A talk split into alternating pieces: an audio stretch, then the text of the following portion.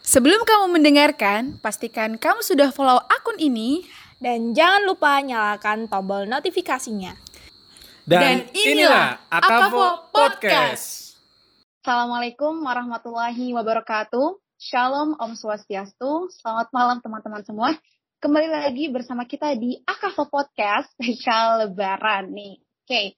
Nah, pada malam hari ini kita kedatangan tamu dari uh, fakultas lain nih. Yang pertama ini ada Kak Andri dan juga Kak Hani.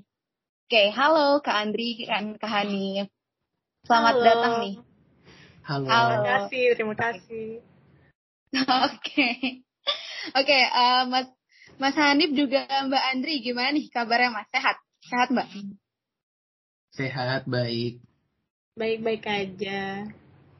Oke. Thank you, keren banget nih Kak. Eh, sebelumnya kita mau ngucapin terima kasih banget udah eh, mau ngeluangin waktunya buat hadir di podcast eh, Akavo pada malam hari ini. Oke, eh, by the way teman-teman eh, Akavo lovers, jadi pada malam hari ini itu eh, spesial lah sebelum lebaran. Nih eh, mumpung bentar lagi liburan ya kan, kita eh, bikin suatu episode untuk menemani teman-teman semua di rumah nantinya. Well, eh, Kak Hanif juga Kak Andri, pada malam hari ini kita akan ngobrol santai nih Kak eh, mengenai carut marut anak IUP. Wow, ini kedengarannya topiknya tuh eh, agak berat ya pada malam hari ini. Oke, eh, jadi eh, alasan utama atau background pertama kita eh, mau bikin eh, permasalahan mahasiswa yang masih menjadi PR tersendiri nih. Nah, mulai dari UKT, kemudian ada banding, sampai prosedur administrasi yang tidak jelas. Nah, keluh kesah tadi ini eh, nggak lepas ya teman-teman dari eh, anak-anak IUP yang sampai saat ini tuh terdengar di berbagai fakultas. Oke, nah makanya pada malam hari ini kita akan kupas tuntas semuanya bersama tamu kita pada malam hari ini yaitu Mbak Andri dan juga Kak Hanif. Oke, mungkin eh, aku mau mulai dengan pertanyaan basic kali ya teman-teman. Eh, kira aku mau tanya dulu nih. Kira-kira mungkin teman-teman bisa jelasin mengenai apa itu IUP, terus mungkin eh, seperti apa programnya gitu. Eh, biar kita bisa melaraskan dulu nih eh, pemahaman teman-teman semua yang ada di sini. Oke, mungkin aku bisa persilahkan langsung dulu aja kali ya dari Kak Andri. Oke, silahkan nih Kak Andri. Eh, pertanyaannya itu tentang apa itu IUP ya? Yes, betul Kak. Kalau eh, yang aku tahu dari apalagi kalau aku yang eh, FIB sastra Inggris IUP itu kurang lebih ya kelas yang berbeda di gedung yang berbeda dan eh, kita juga seharusnya memiliki eh, eh, akses ke study abroad atau international exposure gitu-gitu. Cuman kalau dari pengalaman yang aku tahu dan lain-lain lah masih kurang jelas. Tapi kalau di IUP yang lain mungkin lebih eh, menarik deh kayaknya. Jadi kalau tanya Hanif mungkin lebih eh, jelas gitu.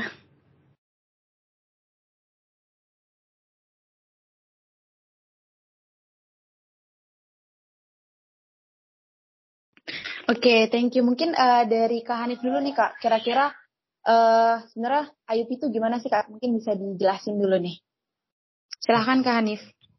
Eh, secara nama ya, IUP kan International Undergraduate Program ya.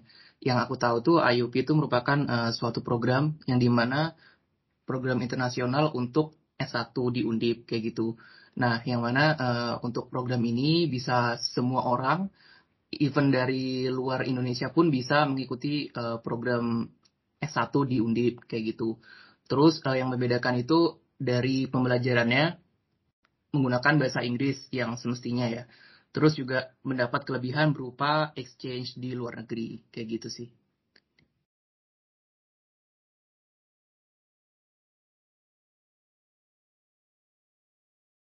Oke, berarti eh, basically itu untuk eh, program IUP ini tuh sebetulnya untuk eh, pengantarnya itu seharusnya menggunakan bahasa Inggris ya, Mas.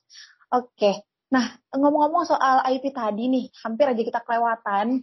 Mungkin Mas Mbak semua eh itu bisa memperkenalkan dulu nama, juga prodi dan juga angkatan. Sekaligus mungkin bisa sharing nih kira-kira eh IUP yang ada di fakultas Mas Mbak semua ini ada program studi apa aja. Silahkan. Mungkin boleh gantian dari Mas Hanif dulu nih. Silahkan. Oke, uh, sebelumnya kenalin ya, namaku Hanif Sulifan, biasa dipanggil Hanif. Di sini aku dari uh, Prodi Teknik Kimia IUP angkatan 2019. Uh, untuk prodi yang ada di fakultasku yang ada IUP-nya, setahu aku sejauh ini ada Teknik Kimia sama Teknik Sipil. Baru tahun 2020 kemarin sih. Kayaknya baru buka yang sipil ya. Kayak gitu. Oh, oke oke. Berarti kalau untuk uh, Mas Hanif sendiri teknik kimia nih uh, berarti dari ini ya Mas uh, udah ada sebelum sebelum sebelumnya atau gimana nih Mas? Kalau untuk kalau teknik... dari Mas Hanif sendiri? Untuk teknik aku dari 2017 sih adanya. Oh, berarti udah lumayan berjalan lama ya Mas. Oke, okay, yes. thank you. Nah, mungkin bisa dilanjut dari Mbak Andri untuk uh, fakultas ataupun prodi dari Mbak Andri sendiri bagaimana Mbak? Uh, kayak aku bilang tadi, uh, aku dari Fakultas Ilmu Budaya dan IUP aku sastra Inggris dan hanya ada sastra Inggris dan kebetulan ini memang program baru dan aku angkatan kedua dan sekarang kita baru ada tiga angkatan, jadi gitu.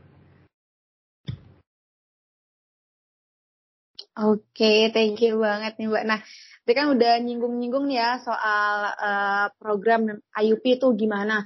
Nah, mungkin aku mau denger dulu nih sharing dari Mas Mbak. Kira-kira uh, apa sih keluh kesah ataupun uh, keuntungan ataupun kelebihan kuliah di program studi IUP ini?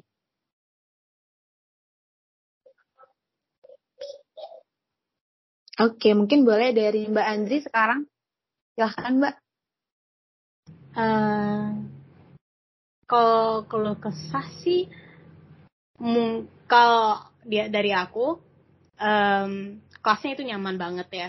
Itu kesahnya mungkin ya. Eh, maaf tunggu sebentar. Uh, kalau kekuliahan aku sih mungkin ya karena ini program baru, jadi kepastian untuk uh, internasional uh, exposure-nya itu kurang pasti. Yang kalau kita lihat itu hanya ke Taiwan tapi karena aku juga angkatannya dikit dan belum sampai ke Taiwan kita juga belum ada kepastian yang fix gitu loh. Itu sih yang aku paling dengar dari semua teman-teman sekelasku juga ya keluhannya. Tapi selain itu nyaman-nyaman aja di kelas dan programnya seru dosen-dosen yang ngomong pakai bahasa Inggris dan kita merasa um, seperti kayak seandainya kelas internasional sih.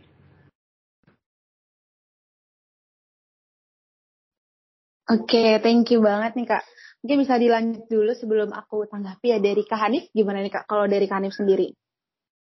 Oke, kalau dari aku sih sejauh ini ya, as in anak undip juga, aku merasa nyaman dan uh, departemen aku juga udah mengusahakan yang terbaik ya untuk mahasiswanya, terutama juga untuk anak IUP.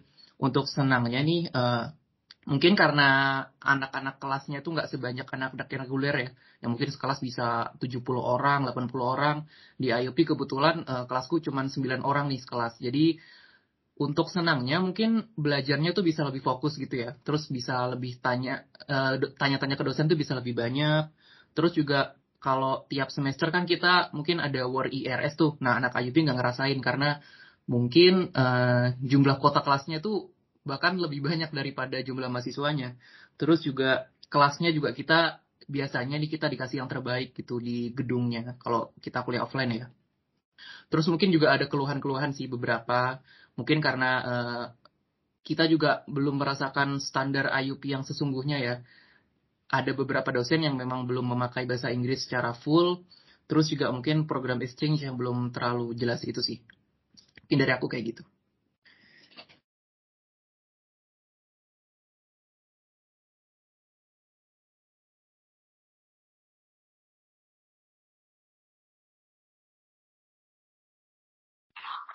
Well, uh, thank you banget Kak. Berarti bisa aku simpulin, uh, sebenarnya kalau untuk dari uh, Kak Andri sendiri itu mungkin fasilitas student exchange-nya masih kurang ya Kak gitu. Oke, okay. uh, emang ini yang menjadi uh, PR kita bersama. Semoga emang kita bisa sama-sama uh, mengawali kira-kira uh, keluh kesah yang selama ini uh, masyarakat Ayub itu rasakan.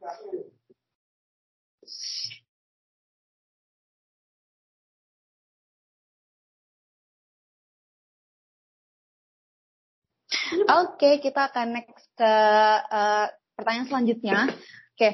mungkin bisa ceritain lagi nih Kak, kira-kira perbandingan kuliah IUP secara offline ataupun online ya. Mungkin uh, karena kita udah lama banget nih kebetulan kan sudah pandemi hampir dari 2020 sampai sekarang 2022 ini masih belum jelas uh, kira-kira tuh kuliah bisa dilaksanakan offline ataupun masih tetap online. Oke, mungkin bisa dimulai sekarang dari Kak Hanif. Silahkan Kak. Ya, ini berarti perbandingan kuliah offline sama online ya? Ya, betul, Kak. Uh, Zakiah udah pernah ngerasain kuliah offline belum, BTW? Aku sendiri, jujur dari prodi aku, itu emang ada beberapa mata kuliah yang praktikumnya hybrid. Cuma emang belum semua sih, Kak. Gitu. Jadi, uh, aku personally ngerasa kalau kuliah offline ini emang lebih seru dan lebih paham juga sih untuk uh, nyerap materinya gitu sih kalau dari aku. Oke, iya sebenarnya kita juga ngerasain yang hal yang nggak jauh beda ya sama-sama anak reguler sama anak IUP mengenai kuliah offline sama online ini. Ya mungkin kalau offline kita tatap muka langsung, kita bisa langsung fokus ya untuk kuliahnya, bisa langsung bertanya. Mungkin kalau online ya seperti masalah pada mahasiswa pada umumnya ya, suka ngantuk, suka suka kadang nggak fokus atau mungkin ditinggal tidur gitu sih. Jadi intinya nggak jauh beda sih sama teman-teman yang teman-teman reguler rasakan kayak gitu. Oke, okay, bener banget sih kak. Emang gak jauh beda ya. Aku juga ngerasain banget sih, kuliah online itu bener-bener kayak lebih struggle karena kita sendiri kan di depan layar gitu. Oke, okay, kalau dari Mbak Andri sendiri gimana nih Mbak? Uh, mungkin perbedaannya dari aku sama uh, Hanif dan Zakia sendiri, aku angkatannya sama sekali belum pernah hybrid ataupun offline, jadi kita belum sama sekali ngerasain loh perbedaan uh, eh, IUP dengan regular. Tapi yang Hanif uh, ngomongin juga udah bener sih, kita kurang lebih kalau online ya nggak ada perbedaan, tapi ya kurang lebih mungkin dosen-dosen pada uh, lebih pakai bahasa Inggrisnya dibanding kalau sama kelas reguler walaupun aku sastra Inggris ya jadi itu aja sih Oke, berarti kurang lebih sama ya kak. Nih kita uh, sama-sama angkatan corona ya. Jadi emang sangat-sangat struggle sekali untuk kuliah uh, secara daring di rumah sendirian lagi.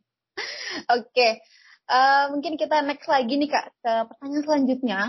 Kira-kira dari uh, Mas Mbak nih, merasa apakah UKT yang dibayarkan itu sudah sesuai dengan apa yang didapatkan. Mungkin dari uh, fasilitas ataupun uh, ya mungkin dari fasilitas seperti itu. Oke mungkin dari Mbak Andri. Boleh Mbak? Silahkan. Uh, kalau kita ngerasa fine fine aja karena mungkin udah dilandasin acceptance dulu kali ya.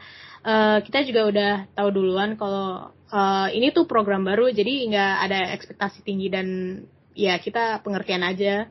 Uh, dosen juga udah uh, ngajarnya kok dari kita teratur dan juga banyak menggunakan bahasa Inggris karena kita belum mengalami belajar offline. Jadi ya nggak bisa dibanding kalau misalnya sesuai atau enggak karena fasilitasnya uh, dan lain-lain lah. Tapi kalau online emang berasa ada berasa aja berbayarnya segitu tapi depan layar aja dan pasti kalau dalam konteks ini bukan di IUP aja sih. Teman-teman regular juga pasti ada yang ngerasa agak sesuai. Tapi hmm, kalau kita juga tahu kalau program IUP sastra Inggris di Undip memang baru. Jadi uh, yang mungkin agak diragukan itu kepastian kita kalau ada international exposure atau enggak sih. Jadi UKT sih uh, bukan masalah terberat kalau kita udah duluan bayar sih kayaknya.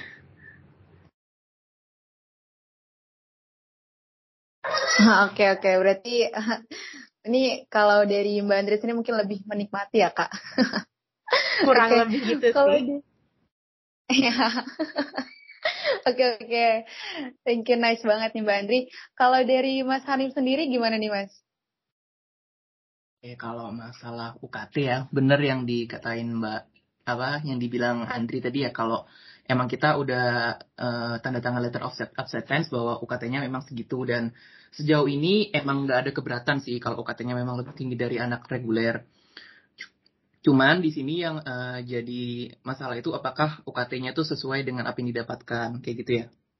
Nah di sini kan yang paling membedakan anak reguler sama anak IUP itu kan uh, kelas yang bas menggunakan full Inggris dan exchange-nya gitu ya mungkin uh, di sini mungkin bisa dibenahi lagi untuk uh, kelas yang bahasa Inggrisnya mungkin belum semuanya bisa dosen tuh bisa menggunakan bahasa Inggris walaupun uh, aku tahu bahwa Tekin sudah memberikan berusaha memberikan yang terbaik ya untuk anak-anak IUP-nya. Terus mungkin masalah exchange ini juga uh, basically semua mahasiswa itu kan bisa exchange ya ke luar negeri. Even anak reguler pun sebenarnya bisa exchange. Bahkan banyak beasiswa-beasiswa yang uh, memfasilitasi anak-anak S1 reguler buat bisa exchange. Nah, di sini kita cuman uh, pengen perbedaan itu sih. Jadi mungkin informasi uh, exchange-nya itu masih kurang jelas gitu ya. Uh, masih belum secara administrasi bagaimana itu juga masih belum jelas. Mungkin uh, untuk bahan evaluasinya untuk exchange ini bisa lebih diadakan kayak forum-forum mungkin tiap fakultas kan juga ada international office tuh bisa di follow up tiap anak-anak IUP-nya nih gimana sih exchange-nya udah ikut exchange apa belum uh, lebih dibimbing gitu loh untuk ikut exchange-nya kayak gitu sih dari aku.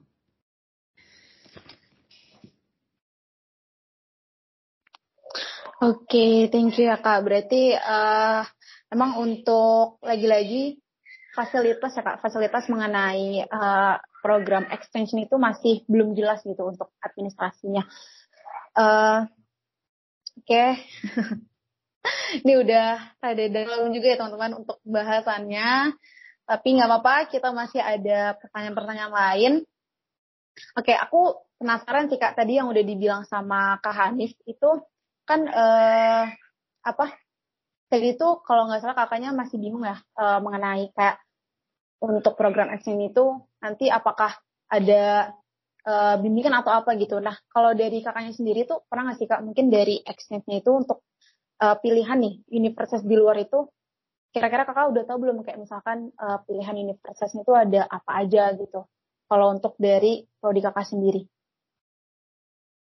Uh, dari aku sebenarnya udah ada ya pilihannya. Ada yang ke Inggris, ada yang ke Malaysia, ada yang ke Taiwan juga. Cuman uh, dari teman-teman aku kendalanya tuh kalau mungkin yang di Inggris atau Eropa tuh mungkin uh, biayanya tuh terlalu mahal ya. Uh, mungkin bisa sampai ratusan juta. Mungkin kalau yang di Malaysia tuh gratis sih. Cuman uh, saat ini lagi mengurus aku sendiri lagi ngurus berkasnya dan uh, sepertinya belum selesai-selesai kayak gitu. Mungkin uh, bisa dibantu sama international office atau bagaimana gitu biar uh, secara administrasinya lebih gampang kayak gitu. Terus mungkin kita kan juga uh, eh, UKT-nya membayar lebih ya. Mungkin uh, aku nggak tahu sih ini ini boleh atau enggak. Uh, mungkin bisa disubsidi begitu untuk tuition tuition fee-nya kayak gitu. Karena uh, secara undip kan PTN juga ya, mungkin bisa dikaji lagi sih masalah itu. Oke oke. Kalau dari Mbak Andri gimana nih Mbak soal kira-kira pilihan atau universitas yang udah uh, sebelumnya itu udah mungkin ada offering gitu dari fakultasnya? Kalau dari fakultas sendiri kita baru dari Taiwan dan kebetulan kita juga kalau dari angkatan aku masih belum ada yang daftar atau apa-apa tapi pada daftar dari uh, beasiswa lain kayak yang Hanif bilang tadi tapi kalau angkatan atas kayaknya saya uh, lupa kalau mereka kayaknya sebenarnya udah kelas tapi online. Jadi belum kerasa juga kelas uh, internasionalnya offline. Gitu setahu aku sih. Dan semoga yang aku harap sih uh, nanti untuk angkatan aku atau angkatan yang di bawah bakal lebih banyak lagi negara-negara uh, tujuan untuk uh, study abroadnya. Karena agak uh, sayang kalau kita cuma ada satu pilihan dan kita kepengen ke negara-negara yang lain-lain juga gitu dan untuk harganya juga biar lebih um, karena kita UKT-nya juga banyak untuk mendapat pilihan yang lebih baik mungkin lebih baik juga. Itu aja sih. Tapi kita juga sadar kalau ini masih program baru jadi keluhan kita juga bagaimana ya gitu Oke okay, oke, okay. thank you banget. Aku udah nangkep nih poinnya.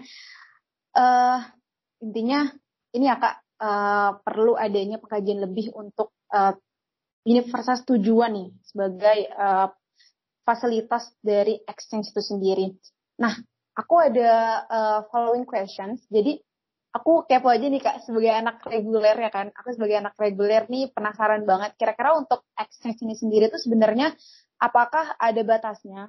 Uh, I mean kayak mungkin dalam satu tahun sekali kah atau kayak di semester tertentu nih gitu kak. Mungkin bisa dijelasin nih sedikit diceritain. Oke okay, kalau dari kak Andri sendiri mungkin gimana nih kak? Uh, lama exchange-nya ya maaf maksudnya? Uh, bukan kak. Maksud aku kayak eh, kira-kira untuk exchange ini tuh harus di semester akhir kah atau misalkan di semester-semester awal tuh udah bisa mulai exchange seperti itu? Kalau setahu aku mungkin nanti di semester 5 atau 6 gitu ya di di hampir akhir-akhir lah atau mungkin memang di lebih ke akhir uh, perkuliahan jadi ya di semester-semester akhir kalau aku sih. Oke, berarti di semester akhir ya kak. Kalau dari kak Hanif sendiri gimana nih kak?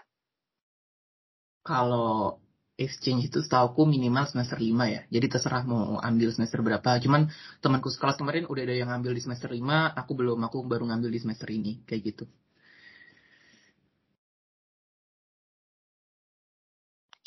Oke, nah aku ada one following question lagi. Jadi untuk uh, exchange ini tuh apakah uh, kayak misalkan tadi kan kakak bilang ya kalau misalkan uh, minimal itu ngambil di semester 5 gitu terserah mau di semester berapapun tapi yang penting minimal semester 5 nah apakah itu uh, hanya berlaku satu kali exchange atau kita boleh nih kak ngambil exchange lagi gitu? Jadi misalkan dalam kurun dari semester 5 sampai semester akhir itu bisa 2 sampai tiga kali uh, ikutan exchange seperti itu Oke, boleh ini sekarang dari Kak Hanif dulu mungkin. Uh, Oke, okay. sebenarnya aku belum pernah dengar juga yang ikut exchange lebih dari satu kali. Uh, tapi menurutku bisa sih kalau cuman exchange ya, karena itu kayak program exchange ya berarti cuman pertukaran kayak cuman enam bulan gitu. Menurutku bisa. Cuman ya kalau lebih dari satu kali lulusnya jadi lama dong gitu sih. Jadi menurutku satu kali sih. Oke, okay. kalau dari Mbak Andri gimana nih Mbak? Iya, kayaknya kurang lebih sama kayak Hanis, soalnya aku juga baru tahu. uh, jadi kayaknya sih lebih dari sekali mungkin bakal lebih lama lulus, tapi kalau memang sesuai dengan kurikulum uh, prodi ya kurang lebih kayaknya sama, tapi tergantung juga persetujuan fakultas sama kitanya gitu. Oh, oke okay, oke. Okay. Berarti uh, kurang lebih sebetulnya uh, mau banyak atau enggak itu tergantung ya kak, tergantung dari uh, kebijakan prodi itu sendiri. Oke, okay, kita balik lagi nih. Uh, tadi kan sudah nyinggung ya soal uh, UKT gitu. Nah, kira-kira dari Mas Mbak nih, dari Mbak Andri ataupun Mas Hanif, pernah nggak sih uh, mendengar keluhan dari teman-temannya terkait ekonomi mereka yang mungkin nih kurang stabil atau uh, merasa kesulitan dalam membayar UKT? Kayak mungkin dari Mbak Andri dulu kali ya sekarang. Gimana nih Mbak, pernah nggak sih dengar temennya gitu curhat soal kayak merasa keberatan untuk pembayaran UKT gitu? Uh, pernah sih, uh, apalagi kalau di uh, pas COVID tinggi banget ya di pertengahan di akhir 2020 sama awal 2021 ya. Ya, I mean 2022 juga pasti ada yang keluh sih tapi banyak yang pasti mengalami kesulitan ekonomi dan merasa keberatan dengan UKT yang eh, nggak uh, murah. Teman-teman di jurusan khususnya IUP juga ikutan merasakan transisi dampak pandemi sih yang kondisi ekonomi sudah nggak kayak sebelum pandemi jadi pasti ada keluhan sih. Oke, okay. kalau dari Mas Hanif gimana nih Mas? Uh, mungkin ada cerita lain nih Mas kalau dari uh, Mas Hanif, ya mungkin bisa diceritain Mas. Oke, kalau masalah ekonomi ya sejauh ini yang aku tahu itu belum ada ya as in bayarnya mungkin lebih tinggi daripada anak reguler. Cuman di sini aku cuman kadang dengar-dengar keluhan dari anak IUP itu kayak ah online gini bayarnya segini. Jadi kayak gitu. Mungkin kan exchange juga online ya. Jadi lebih ke apa yang didapatkan dengan apa yang dibayar kayak gitu. Bukan bukan nominal yang dibayarnya kayak gitu.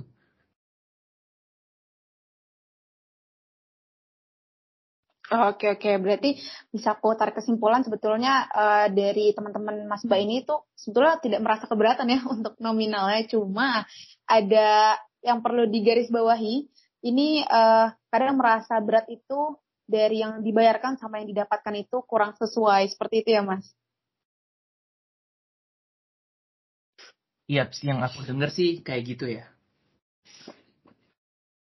Oke, okay. oke okay, oke, okay. sip. Selanjutnya, oke, okay, mungkin uh, tadi kan udah bahasnya soal uh, mungkin merasa keberatan UKT atau apa gitu. Nah, tapi aku mau uh, tanya lagi nih, mungkin ditekankan kira-kira dari Mas Mbak semua tuh perlu nggak sih dari anak Ayupin itu ada uh, penyesuaian penyesuaian UKT seperti itu? Karena yang aku tahu tuh ya, uh, anak Ayup itu kadang uh, sebetulnya penyesuaian UKT itu nggak ada karena golongannya cuma satu seperti itu. Nah, mungkin aku minta tanggapan dulu nih dari Mas uh, Mas Hanif soal uh, tadi itu kira-kira perlu nggak sih kak ada penyesuaian UKT seperti itu? Oke, uh, kalau menurutku penyesuaian UKT mungkin yang di semester akhir aja ya. Kalau udah semester aktifnya sudah habis gitu ya mungkin perlu disesuaikan karena sudah tidak mendapatkan kuliah secara full kan ya. Kalau mungkin udah skripsi doang. Cuman kalau uh, masih kuliah semester aktif menurutku uh, belum perlu ya karena emang udah ada perjanjian dari awal bahwa emang UKT-nya segitu. Tapi nggak tahu sih kalau menurut teman-teman lain ya. Ini pendapatku pribadi. Oke, kalau dari Mbak Andri gimana nih Mbak? Hmm, kalau kita kuliah online dalam jangka waktu lebih dari lima semester sih, kepengen juga cuman tahu realitanya untuk banding KT di jalur mandiri itu kayak nggak mungkin bisa. Uh, apalagi kalau ngelihat dibandingkan dengan kelas uh, mandiri atau reguler itu udah sulit untuk mendapat penyesuaian UKT. Bagaimana kalau UKT IUP? Kita memang udah lihat dari awal sebelum daftar kalau harganya segitu. Jadi kalau dilihat pro atau tidak, mungkin kayak yang tadi uh, Hanif bilang di semester akhir mungkin iya. Tapi um, kalau mau dikasih ya boleh, tapi nggak nggak ada yang nolak. Tapi kalau nggak juga kayaknya nggak bermasalah sih.